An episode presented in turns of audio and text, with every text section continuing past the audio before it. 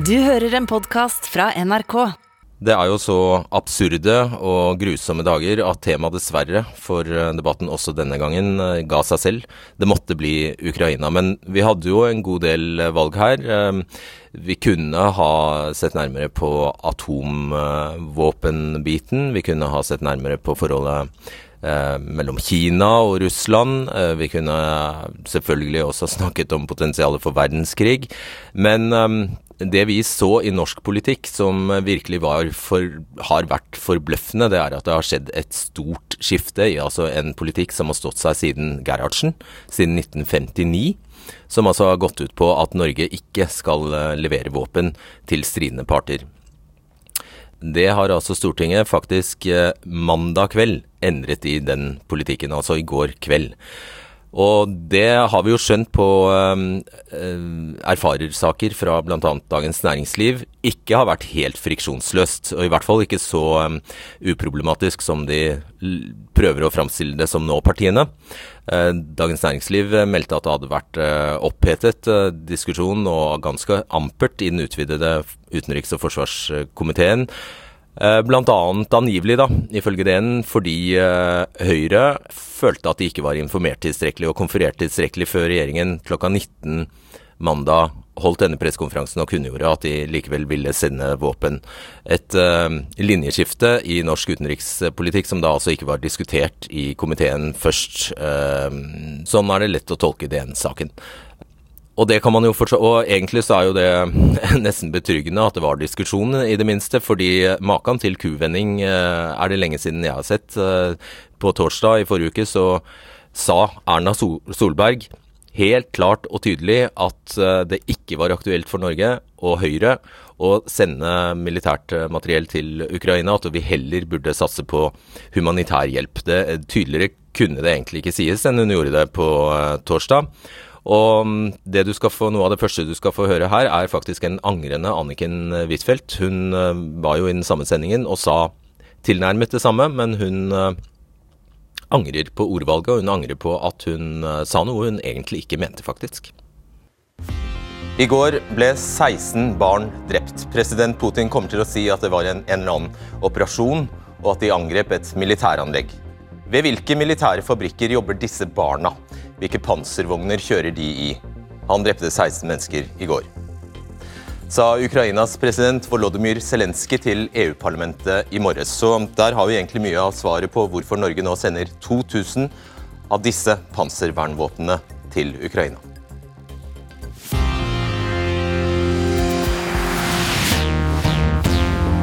Velkommen til debatten. Disse to eh, folkerettsekspertene skal snart debattere.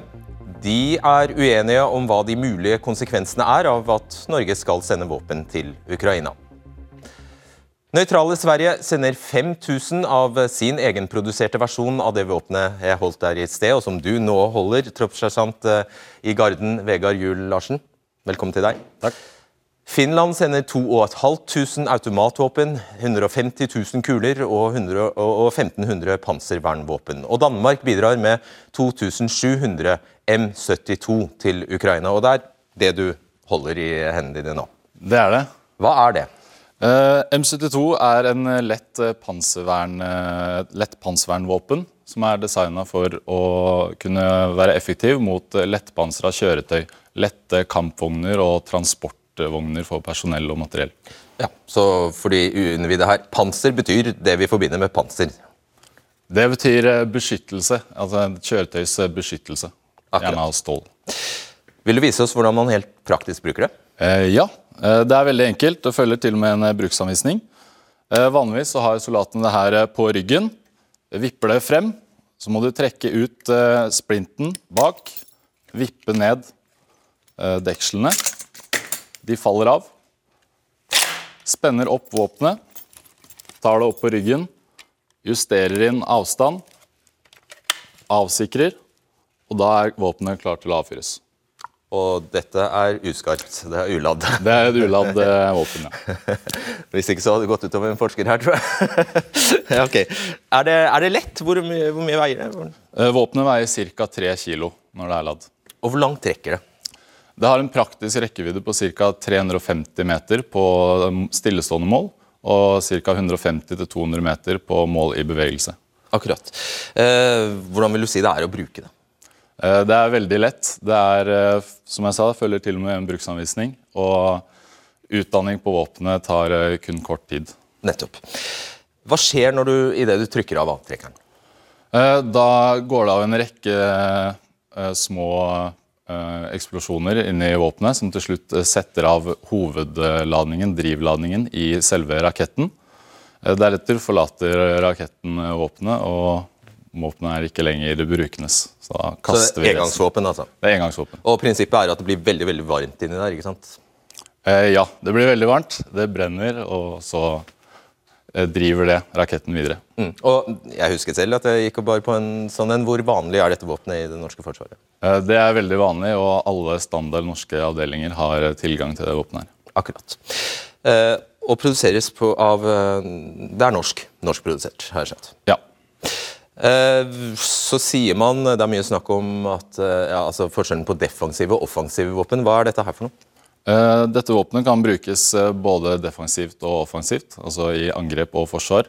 Det er såpass lett og lett å ta med seg rundt, rett å flytte på. Så det er på en måte ingen begrensning på Så om det er offensivt eller defensivt, kommer an på hvilken vei du snur deg? egentlig? Ja. Ok. Og Hvis man da skulle stå på et tak da, og se en kolonne med kjøretøy eh, kjøre forbi, kan man bruke det da? Absolutt. Kan man bruke det mot personer? Det, du kan det, men eh, det vil være særs lite effektivt, da det ikke er en stor eh, eksplosjon eh, når granaten treffer, men heller en, eh, en kobberkone som blir så varm at den skaper en jetstråle som brenner seg gjennom eh, pansringa på et kjøretøy. Så de måtte ha stått veldig tett, da, eventuelt, de personene. Eh, greit. Eh, På skalaen for våpen, eh, hvis det skulle bli snakk om å sende skarpere greier og større greier til Ukraina, hva, hva er det neste? Eh, Det neste vil jo kanskje være Carl Gustav rekylfri kanon, som er en gjenbrukbar eh, kanon av litt større kaliber. Eller eventuelt eh, Javelin-missiler og sånne type våpensystemer. Ok. Skal du få ta med deg våpenet. Tusen takk for innføringen. Takk skal du ha. Og du kan bli med i diskusjonen på nrk.no. Alt går raskt nå. Helt inntil i går kveld ville regjeringen bare sende vester og hjelmer til Ukraina, ikke våpen. Så det er på mange måter et historisk skifte, det vi er med på vi bevitner nå. At det likevel skjer at vi sender våpen. Siden 1959 har enhver norsk regjering styrt etter prinsippet om at Norge ikke vil tillate salg av våpen og ammunisjon til områder hvor det er krig eller krig truer, eller til land hvor det er borgerkrig. Velkommen Cecilie Hellestveit Takk skal du ha. og Knut Einar Skodvin. Tusen takk. Cecilie Hellestveit, Hva er effekten av at Norge nå leverer våpen til Ukraina? Effekten er ikke at Norge blir et lovlig mål for Russland, uten videre. Det er heller ikke at vi blir en part, altså en krigførende nasjon. Men vi blir noe som kalles for medkriger, eller eh, medfiende, i den konflikten. Så vi tar på en måte et steg bort fra nøytralitetsreglene, hvor vi er på utsiden av krigen og er helt beskyttet av alle vanlige regler. Og så tar vi et steg mot det å bli deltakende. Så det er noen av de reglene som vanligvis beskytter Norge, norsk suverenitet, eh, som endrer seg litt. Ikke så mye, men litt.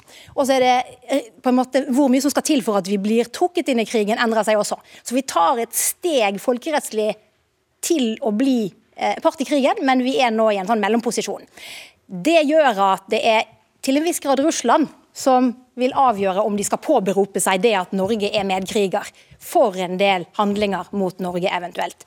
Sånn som situasjonene er i dag, er det lite aktuelt. Men hvis det blir en eskalering, så blir det kanskje mer relevant. Eller hvis den trekker ut i tid, denne krigen. Så det eksponerer Norge på andre måter enn det vi er vant med. Knut Einar eh, Skodvin, hva mener du effekten av at Norge sender våpen til Ukraina er? Ja, Folkeretten den har for mellomstatlige konflikter som vi om nå, så har den et regelsett som deler statene i to. De som er parter til konflikten, og de som er nøytrale. De som så er nøytrale, som da ikke aktivt er med i stridighetene, de skal ikke forsyne partene med noen ting utenom noe humanitær, humanitær hjelp, som er det som er lov. Ikke engang hjelmer? Ikke, ikke engang hjelmer. Det spiller ingenting så lenge det kan brukes til de militære styrkene, så er vi vel utenfor. Nå er det noen som begynner å adressere om vi skal tolke det på denne måten lenger i en så spesiell situasjon som vi har, men holder vi oss til det som den gamle hovedregelen, så overtrer vi nøytralitetsgrensen. Men det å overtre nøytraliteten betyr ikke at en blir part til krigen, som Hellestveit sier. Og det er en lang praksis for dette, knytta særlig tilbake til det amerikanske Lend-Lease-programmet, der de lånte utstyr også til russerne, til Sovjetunionen under annen verdenskrig, uten at det gjorde avstedkom noe fra de stridende partene. Vi er enige om at Norge ikke er part. Eh, det vi kanskje er litt uenige om, er hva som skal til for at vi ikke lenger er nøytrale i forhold til denne konflikten. Og Der er det militær eh, bistand som er stikkordet. Og hvorvidt eh, medisinsk bistand som kan brukes til å rett og slett lappe sammen soldater for å sende de tilbake igjen på slagmarken, det er ikke militær assistanse. Og en del av skal vi si, det utstyret som soldater bruker, vil også vanligvis ikke ses på som det. Men når du har våpen som kan brukes defensivt eller offensivt Og nå snakker vi om M72. Det det vi det snakker vi om. Og det er jo på en måte forskjellen mellom i Norge A-materiell og B-materiell i stor grad. Eh, hvor det er klart at den form for våpen som vi nå leverer, gjør at vi vi driver med militær bistand. Det er det på en måte eh, ikke tvil om. Nå må vi skille mellom rett og politikk. Eh, retten kan alltid misbrukes hvis noen velger å gjøre det. Men retten i dette er at vi vedblir å være en nøytral stat, selv om vi skulle ha krenka nøytraliteten. Nøytralitetskrenkelser kan sanksjoneres fra russerne, men det kan sanksjoneres med politiske og økonomiske virkemidler. Ved innføringen av FN-pakten i 1945 og maktforbudet, så var det utelukka deretter å bruke militære sanksjoner eh, som konsekvens av brudd på, på, nøytraliteten. Det jeg ikke skjønner, jeg må bare si, det, det, det jeg tror mange ikke forstår da, er hvis dette skal være noe annet enn en interessant akademisk øvelse for forskere. Når vi, det, vi, det vi er vitne til, og det vi står eh, rett overfor, er en eh, Putin en leder som ikke forholder seg til internasjonale lover, som nettopp ikke forholder seg til folkeretten. Hva har det å si, det du eh, snakker om da? Vi er nødt til å begynne med å avklare det rettslige. Og Så kan vi gå derifra til å se på misbruksfaren. Og det er klart, Jo nærmere vi blir involvert i konflikten, jo større er faren for misbruk. Og Ser vi på det som Putin gjør, så er han veldig opptatt av ethvert fikenblad som kan rettferdiggjøre noe. Han prøver veldig å rettferdiggjøre rettslig det han gjør i Ukraina, og så er det ingen substans bak. Men i rettferdiggjøringen av Ukraina så ligger det et aggressivt Nato. Han har allerede, hvis han vil, laga seg rom i retorikken sin for å si at Norge som del av et aggressivt Nato truer Russland. Så han trenger ikke disse M72-ene for det gjør, Det gjør ingenting til eller fra i Hvis han har bestemt seg? Ja. Okay. Her er jeg litt uenig. og Grunnen til det er at Årsaken til at vi har disse nøytralitetsreglene, er at FNs sikkerhetsråd er satt ut av spill fordi det er en vetomakt i FNs sikkerhetsråd som har gått til krig, aggresjonskrig mot Ukraina. Men det kan ikke FNs sikkerhetsråd si, fordi at å pålegge alle medlemsstater å følge innsatsen. Og Da inntrer de gamle reglene om nøytralitet for å holde andre land unna, sånn at ikke denne konflikten eskalerer og blir en enda større konflikt. Og Når du da bryter de vilkårene for nøytralitet, så er det automatisk slik at det er enkelte konsekvenser for norsk suverenitet som settes i spill. Det er ikke sikkert at Russland kommer til å påberope seg dette, men de kan gjøre det. Det betyr at når Norge velger å gjøre dette her, så er det en økt risiko for at Norge blir involvert. og Da må vi tenke på et par ting rundt hva som eventuelt vil skje i en sånn situasjon. Ja, La oss ta den sammenligningen. for det, altså, Sverige sender mer enn oss, eh, Finland sender mer enn oss. Begge to er nøytrale, mm. men begge, altså ikke medlemmer av Nato, men medlemmer av EU. Hvilken betydning har det? De er ikke lenger nøytrale. De er også medkrigere i Ukraina, og de har felles grense med Russland på lik linje med Norge. Og Det som har skjedd de siste dagene er dramatisk, fordi EU har også bestemt seg for å sende våpen til Ukraina. Det betyr at EU som union har sagt vi er medkriger. Og det EU har sagt er at Hvis Russland begynner å bølle med suvereniteten til de små EU-landene som nå deltar som medkrigere, de er ikke parter heller, men hvis Russland gjør det med de, så får de med EU å gjøre. Og EU har mange verktøy som de kan bruke overfor Russland på andre måter enda. Så det betyr at der er det en sånn maktsituasjon som gjør at Putin neppe kommer til å yppe seg og bruke det rommet overfor de andre EU-landene. Fordi EU nå rett og slett ikke er et økonomisk eh, union lenger, men faktisk på søndag bestemte seg for å si vi kan også drive med krig før. Men det, de, det EU har av maktmidler, er altså ikke en stor hær, men de har altså det, eh, store økonomiske maktmidler som de kan iverksette overfor Russland? Er det det ja. De har egentlig enda viktigere våpen i økonomien enn i de våpnene de sender. Og Grunnen til at EU gjør dette, er fordi EU mener at noen må håndheve maktforbudet som Putin har brutt. FNs sikkerhetsråd kan ikke gjøre det. Den internasjonale straffedomstolen kommer ikke til å gjøre det. Noen må gjøre det, og det må skje delvis med kanoner. Vi må gjøre det. Og den risikoen tar. Og da er poenget ditt at det vil jo ikke, innbære, det vil jo ikke omfatte Norge, i og med at vi ikke er medlem Det vil ikke beskytte Norge. Men i så fall. dette, og dette er, her kommer vi inn på det som er litt av problemet med medkrigerterminologien. For den forutsetter egentlig at du blir part. Medkrigerterminologien skriver seg fra andre verdenskrig og ble brukt om relasjonen mellom Finland og Tyskland, som begge sto, sto i en væpna konflikt som parter med eh, Sovjetunionen. Etter det er den brukt av USA for å begrense for å forklare rekkevidden av hvem de kan angripe under Al Qaida-paraplyen, altså IS som en medkriger. Og Det som er viktig her, er at Obama-administrasjonen har også vært eksplisitte på at det holder ikke under den medkrigerdefinisjonen også å gi utstyr. Du må også bidra aktivt i stridighetene etter mønster fra Tadik-kjennelsen fra Den internasjonale straffedomstolen. Så er medkriger, ja, er medkriger forutsetter part. at Putin er enig i det? Da, jo, men Medkriger forutsetter part, og faller vi tilbake igjen som Hellestveit vil, til de gamle nøytralitetsreglene, så kan du bidra med utstyr uten at det blir adgang til å treffe militære tiltak mot deg. Så kan Putin misbruke dette, men det vil være et åpenbart og eklatant misbruk. De reglene vi snakker om her, det er gamle regler fra Haag-konvensjonen fra 1907. Eh, for luft- og sjøterritorium, for land er det sedvanerettslig, og for cyber er det også etter hvert enighet om at det gjelder på samme måte. Så dette her er gamle regler som får en sånn automatisk effekt. Det som er interessant, er fordi det, eh, dette er regler som ikke vi er vant med å forholde oss til. Og det er litt av grunnen til at vi må snakke om dette. Fordi det har noen effekter for oss som vi ikke er vant med å forholde oss til, for vi er vant med at FN sikkerhetsråd faktisk fungerer. Og det siste elementet vi må eh, rekke innom, altså hvis Russland, Gud forby, skulle finne på å svare med et angrep på Norge, vil ikke da automatisk Natos artikkel 5 eh, trå inn? Hvis Russland angriper Norge, så er det tilfellet ja. Men hvis det angrepet kommer som en del av en eskalering, hvor Russland kan si at det vi gjør nå, har sammenheng med at Norge er medkriger i Ukraina-krigen, så stiller situasjonen seg annerledes. Da kan Nato si at fordi Norge har den rollen, så trenger ikke dette å være et angrep på alle. Det var det som skjedde med Tyrkia, da russisk bombefly brøt suvereniteten til Tyrkia for å bombe tyrkiske aktører i Syria i 2015. Da, sa, da skjøt Tyrkia ned dette flyet og sa nå er vi angrepet, nå må Nato stille opp. Og Nato sa nei, det gjør vi ikke, fordi Tyrkia har bidratt militært utenfor Natos eh, områder. Og Det er jo utfordringen at, at dette gjør at det er en litt usikkerhet rundt den nedre terskelen for Er, dette. er det like åpenbart eh, for deg, at, eller er det åpenbart for deg at Nato ville eh, iverksette artikkel 5, hvis det skulle skje? Der er ingen grunn til at Nato ikke skulle aktivere artikkel 5 i en slik situasjon. Både fordi at et væpna angrep er forbudt etter at FN-pakten har trådt i kraft som sanksjon på nøytralitetskrenkelser, og igjen fordi vi ikke er en medkrenker, men en nøytral stat som eventuelt har budt nøytraliteten. Vi må huske dette at det er også et kjempeproblem for Russland at Sikkerhetsrådet ikke virka. For det er jo Sikkerhetsrådet som skulle si at Russland har rett i at de er utsatt for aggresjon, at de har rett til selvforsvar.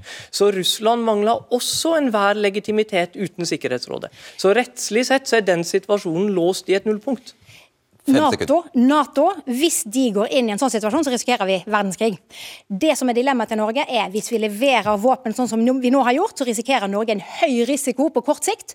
Hvis vi ikke bidrar til å hjelpe Ukraina med å på en måte si til Russland at du kan ikke holde på sånn i våre dager, så vil vi som en eh, nabostat i Russland ha et mye større risikoproblem på lengre sikt. Så enten så har vi en risiko på kort sikt eller på lang sikt. Og den politiske analysen er Hellestveit og jeg helt Ja, enige om. og der tok dere oss inn i det som er den store debatten i kveld. Tusen takk skal dere ha. For det er jo selvfølgelig bare dilemmaer her. Jeg skal minne om at både denne og alle tidligere versjoner av debatten ligger i NRK TV hele tiden. Nå i kveld er SVs landsstyre samlet for å stemme seg for hva de mener om norske våpen til Ukraina. Vi skulle gjerne hatt noen fra SV til stede i debatten. Eh, det føles som vi har ringt omtrent halve medlemsregisteret til SV, men eh, dette er forståelig nok en vanskelig sak for partiet. Heldigvis er du med oss, eh, leder i Sosialistisk Ungdom, Synnøve Kronen Snyen. Og hvis SV nå faller ned på et ja til våpen, er Rødt det eneste partiet på Stortinget som sier nei til det. Velkommen til deg, Bjørne Moxnes. Og velkommen til utenriksminister Anniken Huitfeldt og til leder av utenriks- og forsvarskomiteen Ine Eriksen Søreide. Start med deg, eh, Huitfeldt. Eh, det finnes, som du har gjentatt eh, mange ganger, gode argumenter mot å sende våpen til Ukraina. Nå når vi har bestemt oss for å gjøre det, er du, hvem er du enig med av disse to?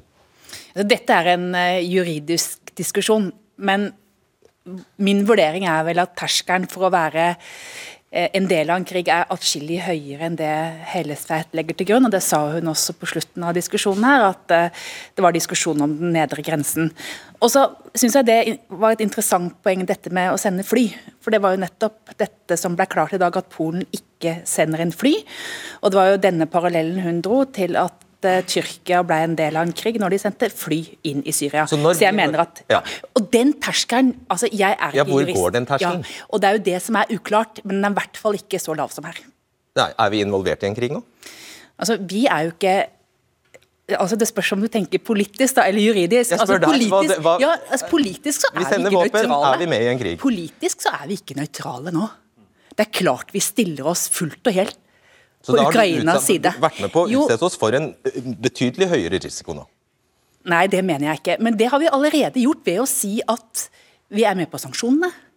Vi er med på å sende inn humanitær hjelp. Vi har tatt klar avstand fra Ukraina, at de har blitt angrepet. Men jeg tror at det å si at her stiller vi oss nøytrale, det ville vært en historisk feil.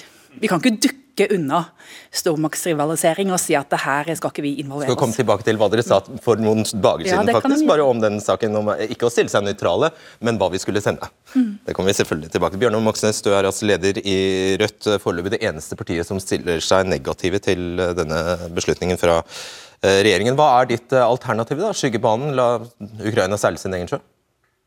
Nei, Jeg er helt enig med Huitfeldt i at vi er overhodet ikke politisk nøytrale. Vi jo står sammen på Stortinget, både i kraftfull fordømmelse av angrepet på Ukraina, at vi ønsker sanksjoner, kraftfulle mot oligarkene kretsen rundt Putin, og også eh, støtte til flyktninger, humanitær hjelp til Ukraina.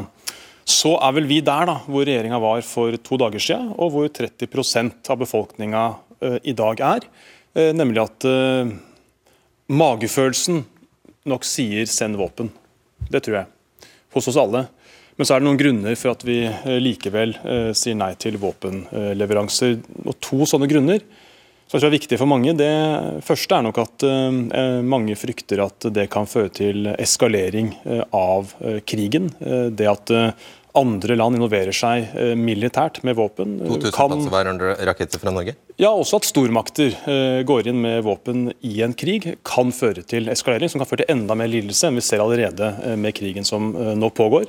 Og Det andre argumentet er det som ekspertene jo er uenige om, hvor det har vært en åpen, åpenhet om tvilen fra regjeringa som jeg syns er prisverdig. Nemlig om Norge risikerer å bli en såkalt medkrigerstat, og ikke minst om det kan medføre en økt risiko for, eh, for, mottiltak fra Russland. Ikke full invasjon, ingen tro på det. Men det er noe særegent med Norge. Altså, for det første så uh, har vi naboene til Russland. For det andre har vi Svalbard. Vi har en veldig spesiell beliggenhet strategisk som ingen andre land har.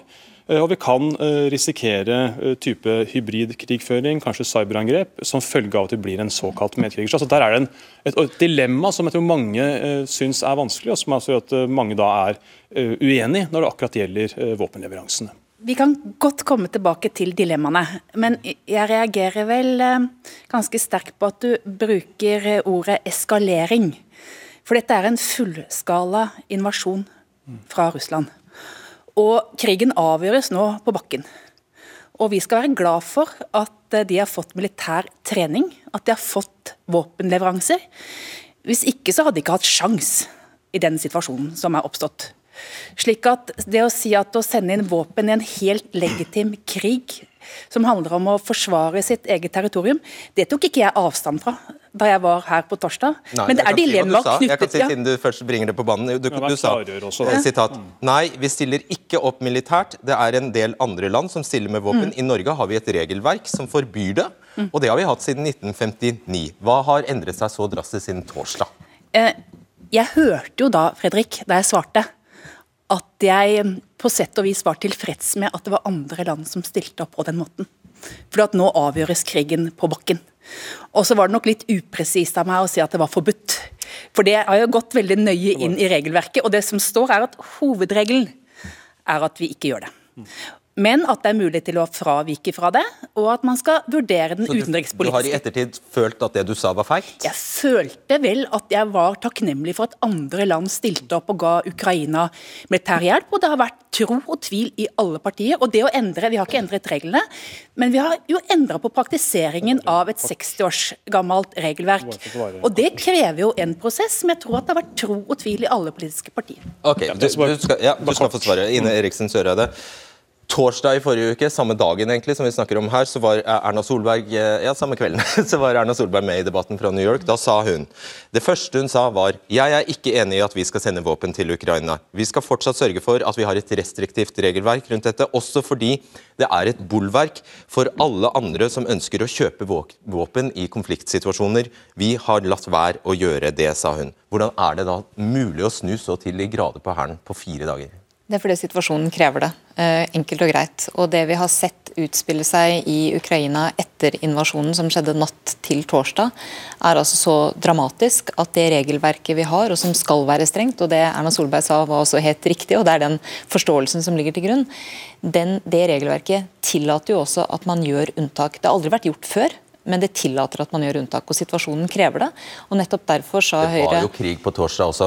Nettopp derfor sa Høyre veldig tydelig at hvis regjeringa kom fram til at de hadde utstyr å sende, og hadde gjort de ulike risikovurderingene som man jo må gjøre, så vil det ha Høyres fulle støtte også å sende annet Hva betyr det at situasjonen krever det? Det skjønner jeg faktisk ikke. Det er bare å se på situasjonen på bakken i Ukraina. Eh, Det er en situasjon hvor en aggressiv eh, overmakt militært nå ruller inn over Ukraina. Ja, men Ukraina Fredrik- bønnfalt Vesten om våpen Ja. lenge før torsdag. Men Fredrik Solvang, hvis jeg får lov til å fullføre resonnementet mitt, så er det veldig fint. Nå er det en situasjon på bakken som gjør at Ukraina er i desperat behov av mer hjelp til å kunne kjempe krigen for sitt eget land. Det er det de nå gjør. Det at vi og andre land stiller opp, ikke bare med solidaritet og penger, men med noe av det Ukraina trenger mest, nettopp fordi det er tillatt innenfor det regelverket vi har, det mener jeg er helt riktig, og jeg mener også det bare skulle mangle i den situasjonen vi nå er. Eh, Da skal, da skal vi ta inn deg, Synnøve Kronen Snyen. Du er leder i Sosialistisk eh, Ungdom. og Moderpartiet har altså nå et eh, landsstyremøte der eh, de diskuterer hva de skal mene om eh, norske våpen til eh, Ukraina. Men dere i SU har allerede bestemt dere. Hva er deres konklusjon? Vi har landet på at vi mener at Norge ikke bør sende våpen til eh, Ukraina. Eh, Men jeg må si at jeg har stor respekt for de som har gått inn for det. Og jeg forstår det kjempegodt når man ser Putins aggresjon og brutalitet. Eh, Og Ukraina har selvsagt en rett til å forsvare seg. Og de bildene vi får inn er eh, grusomme, rett og slett. Er det Men det- er ja. ja, noen dilemmaer eh, i dette spørsmålet som jeg mener er veldig viktig å belyse når ting går så fort som det gjør nå. Og Det ene handler om hvilken rolle Norge kunne ha tatt hvis man ikke eh, bidro eh, militært til eh, konflikten. Vi er en humanitær stormakt som har høy kompetanse på fredsmekling. Og jeg leser det slik at jeg tror det er viktig at man også har andre veier ut av denne konflikten enn kun militære. Derfor er også de økonomiske sanksjonene enormt viktig for å stoppe finansieringen av Putin-regimet. Og Norge har i lang tid hatt en selvstendig russlandspolitikk. Det mener jeg har vært eh, klokt. Så dette handler både om Norges eh, rolle, hva som er lurt at Norge som naboland gjør, men også at det alltid er en risiko når man sender våpen, at de kan havne på avveie og bli brukt eh, til handlinger som er fullstendig uakseptable og blir tatt over eller også solgt videre eh, på svartebørsen og blir brukt til eh, noe vi ikke kan stå inne for. Så det er en risiko, og jeg mener at nå som regjeringen har tatt denne beslutningen, så er det enormt viktig at man er åpen om hva man sender og hvordan man gjør det, og at man allerede nå slår fast at man skal evaluere og granske dette i etterkant. Moxnes. Ja, Det er også noen viktige momenter. og så var Mitt poeng med eskalering var jo at eh, det samme egentlig som Jens Stoltenberg eh, tok opp tidligere i kveld. Nemlig at eh, hvordan får man en storkrig som kan involvere flere europeiske land? Altså en storkrig i Europa. Har, det har jo skjedd tidligere historisk, i hvert fall. Det, det kan ha starta med at andre land har involvert seg eh, gjennom militær støtte og også våpenleveranser til krigførende eh, parter. Og En sånn type eskalering vet jeg at ingen her eh, i, i, i, rommet har noe ønske om, heller ikke i andre Nato-land. Men det å ha en grundig vurdering av konsekvensene av at mange land, også stormakter i Europa, går inn som muligens medkrigerstater i en krig mellom Ukraina og Russland, det er lurt å vurdere veldig grundig hva som kan skje rundt neste sving med såpass drastisk endring på kort tid av noe som har ligget fast i, i 60 år. Så det at man har åpning for uh, å kunne vurdere det uh, litt grundig, og ikke er så skråsikker som kanskje Høyre har vært i denne saken, her, tror jeg kan være lurt. Og det tror jeg også mange i Norge er enig med oss i. Altså, jeg er litt usikker på argumentasjonen. for det, det at da USA har gått inn og gitt våpenstøtte til Ukraina. Det er det som har skapt selve konflikten. Er det ditt resonnement?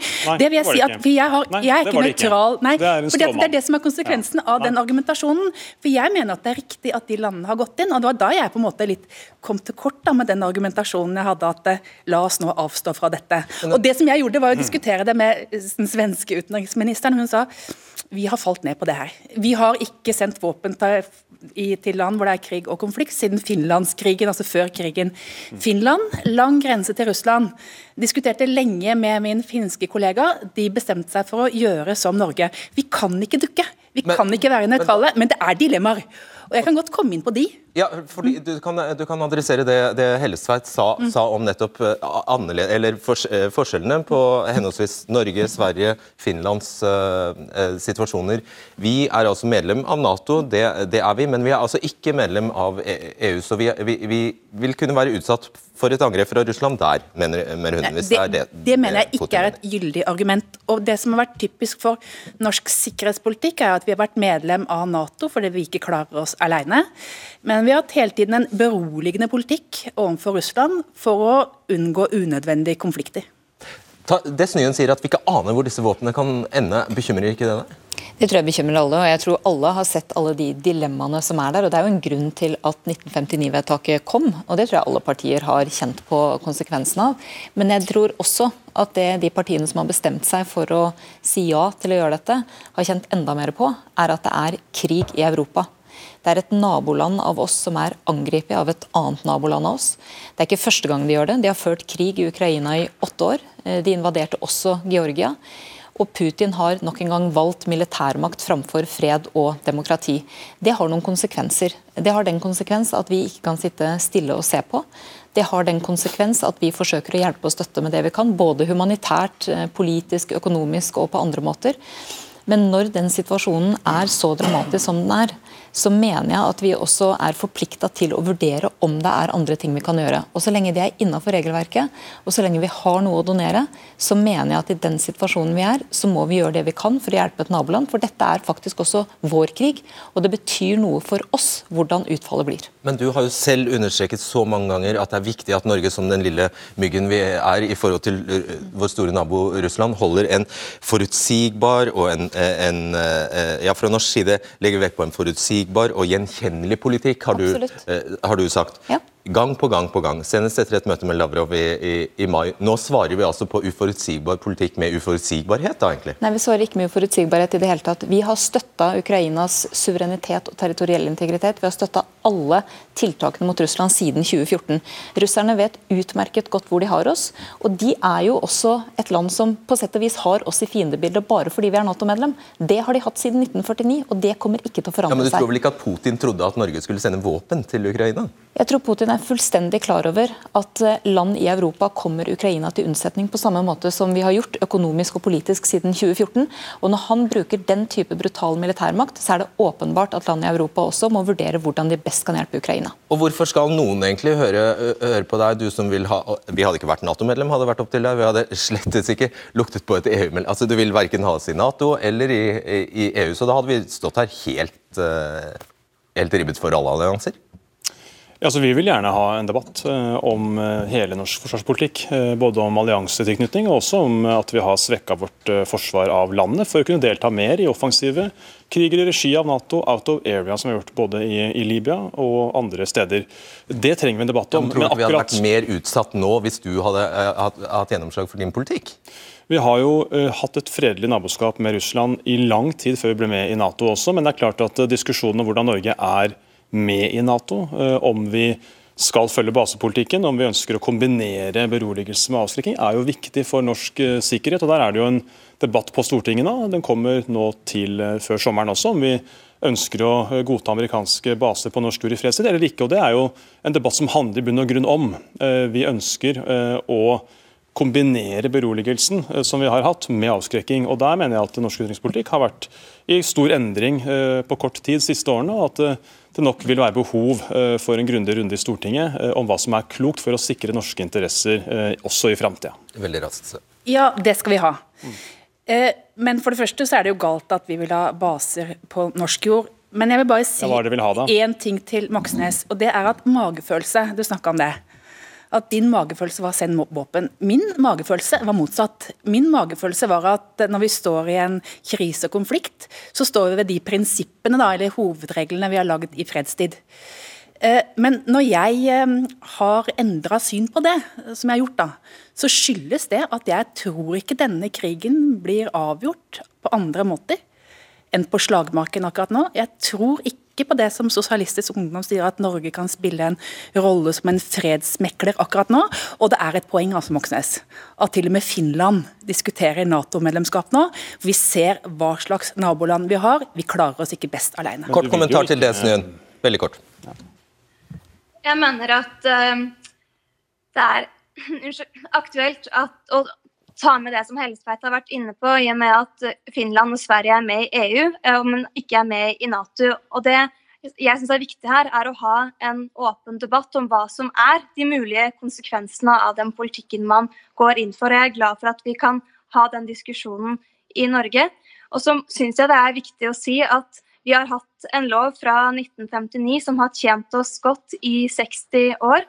Og den loven ble vedtatt med andre verdenskrig og kald krig som bakteppe, og var ment for at vi skulle ha noe å lene oss på når situasjonen var utrolig vanskelig. Og jeg syns det er viktig at vi i Norge har en selvstendig eh, politikk. Og det er riktig å se og diskutere dette med andre naboland, men det i seg selv eh, tenker jeg ikke er nok for eh, å lande hva som skal være Norges svar. Og jeg mener at vi er også nødt til å bygge opp den muligheten til å lande, løse denne konflikten uten at det ikke avgjøres på bakken. For Russland er overlegne Ukraina. Takk, eh, eh, takk, skal du altså, Nå skjer jo alt så hurtig, hurtig her. Som sagt, altså, dette, dette vedtaket om å plutselig sende våpen kom jo bardust på oss alle. Hvis det nå blir behov hvis, eh, kan, for flere våpen, større våpen, hva svarer dere da? Det vil jo være helt avhengig av både hva vi kan tilby å donere, og hva Ukraina trenger. Og Det er jo helt riktig som du sier, at jeg tror eh, sannsynligheten er ganske stor for at eh, dette både kan fortsette å gå raskt, og jeg tror dessverre det kan eskalere ganske mye. Og Det har jo bl.a. å gjøre med at Putin har mindre framgang på bakken enn det han hadde forventa. Dermed så kan han også komme til å bruke tyngre skyts. og Da må jo vi også vurdere hvordan vi skal respondere på det, og hvordan vi best kan hjelpe Ukraina. Kan vi, kan vi, kan vi, kan vi finne på kan dere finne på å sende soldater? Det skal vi ikke. Nei, Så hvor går liksom grensen her? Ja, Det er veldig stor forskjell. Og Det er det som var hele det folkerettslige grunnlaget som det var enighet her om i stad. At det å sende inn fly, det å sende inn soldater, det er noe helt annet. Enig i det? Altså, det vil jo være en annen kategori av assistanse, og soldater er det jo ingen som har snakka om, verken USA eller andre. Så dette er jo et spørsmål om å assistere et land som kjemper for sin selvstendighet og sin suverenitet. Og der bidrar Norge sammen med et samla Europa. Vi har Nato i ryggen, eh, og vi har et nært samarbeid med EU. Det er ingen grunn til å tenke at Norge skulle være mer utrygge av at vi hjelper Ukraina på denne måten. Det håper vi holder på. Takk skal dere ha. Eh, Podkastversjonen av debatten er eh, klar, bare jeg får kommet meg ut av dette studio og, og satt meg ned med den. Eh, der sier jeg litt om Du får et lite innblikk i hvordan vi har tenkt før vi satte sammen denne utgaven av debatten. Vi er tilbake på torsdag.